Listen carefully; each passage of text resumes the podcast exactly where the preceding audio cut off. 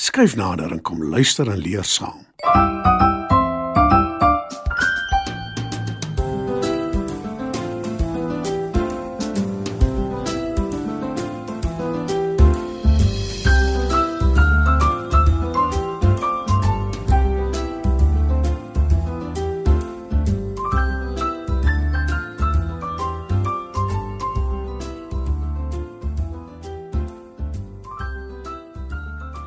Goeienaand maats. Welkom by nog 'n episode van Opskud. Vanaand se storie is Repelsteeltjie. Maar eers musiek.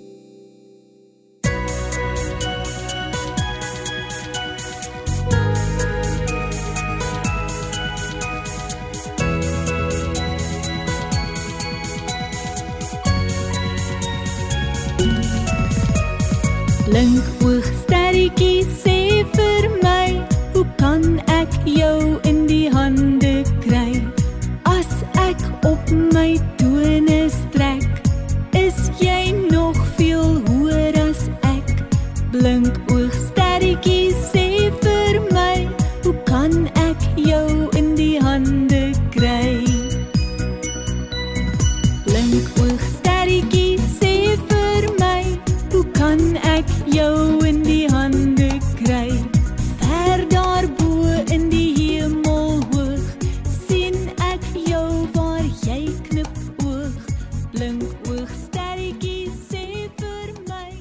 gelede was daar 'n meulenaar wat op 'n klein dorpie gebly het.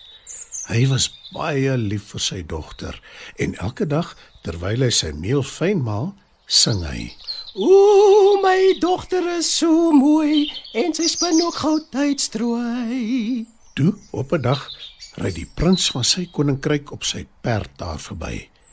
Hy hoor die meulenaar sing en hy sien ook dadelik sy dogter raak. Sy is inderdaad beeldskoon, dink hy.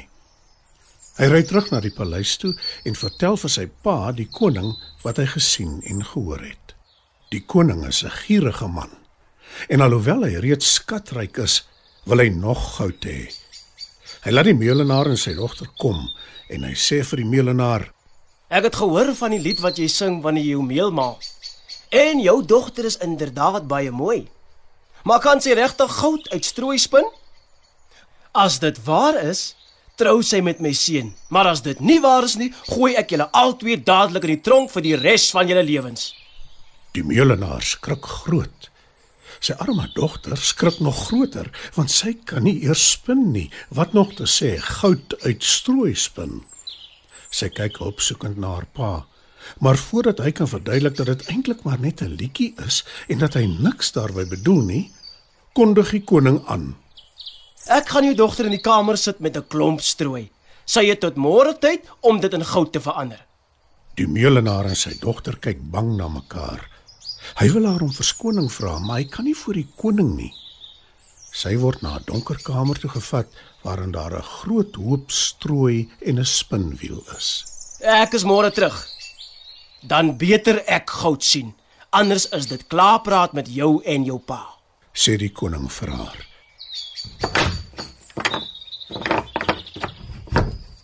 Die deur word gesluit en daar sit sy. Sy begin saggies huil. Maar die volgende oomblik hoor sy 'n vreemde geluid en voor haar staan daar 'n koddige klein mannetjie met kort bene, 'n lang jas en stewels en 'n groot hoed. Sy kyk verbaas na hom. En toe sê hy: As ek goud uit die hoop strooi spin, wat gee jy my? Die meulenaar se dogter kyk verstom na die mannetjie. En toe onthou sy haar pa het vir haar 'n pragtige halssnoer persent gegee. Sy haal dit af en sê: Jy kan dit kry. Die mannetjie druk die halssnoer in sy sak. En toe gaan sit hy voor die spinwiel en begin spin. Die meisie se oë rek groot want die strooi verander so waar in goud. Die mannetjie spin die hele nag en vroeg die volgende oggend is alles klaar. En daar verdwyn hy. En net daarna daag die koning op. Hy is verbaas toe hy die goud sien. Die meelenaar het tog die waarheid gepraat, dink die koning. Maar ek wil meer goud hê. Die gierige koning neem die meisie na 'n groter kamer en daar lê nog meer strooi, Môre wil ek weer goud sien.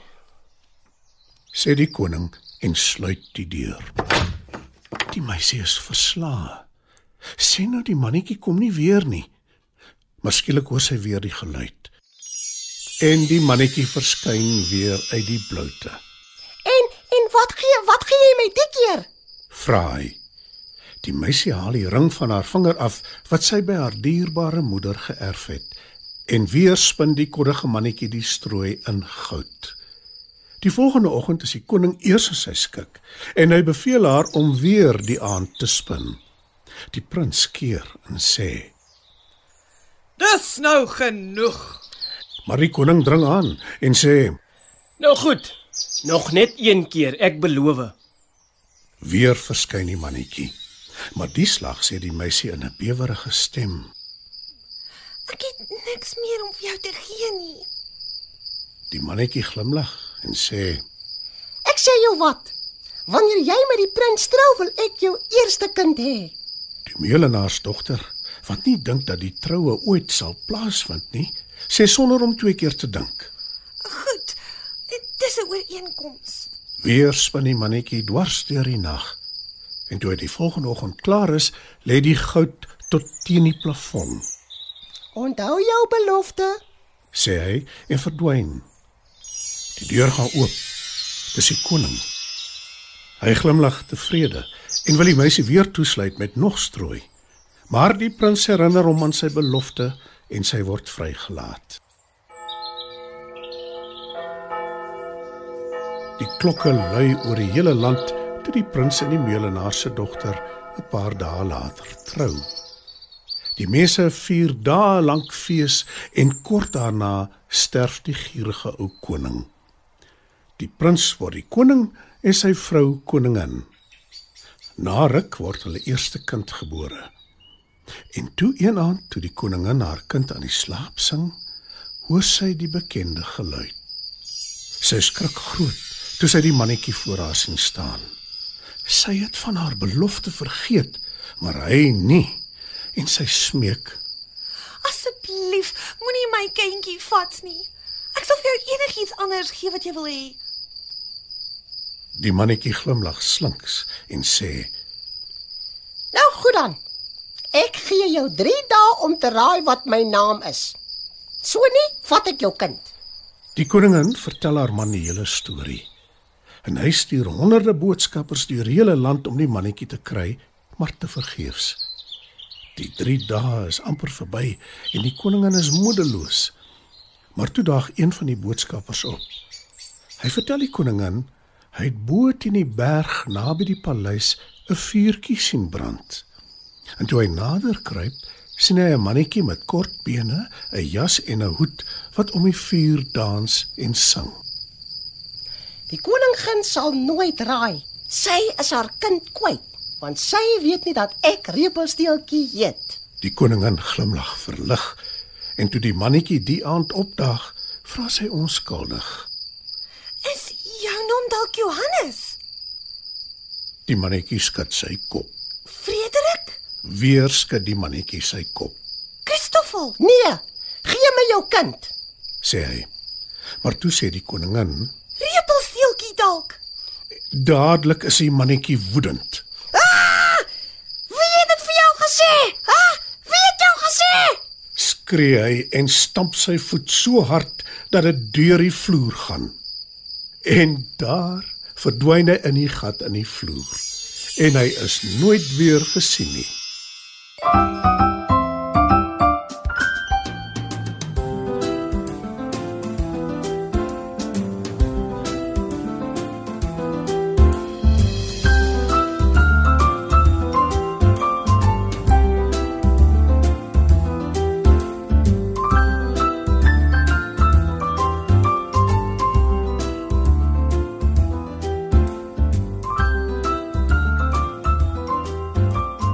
Vanaand se program is aangebied deur SABC Radio Opvoedkunde in samewerking met RSG. SABC Opvoedkunde, Enriching Minds enriching lives.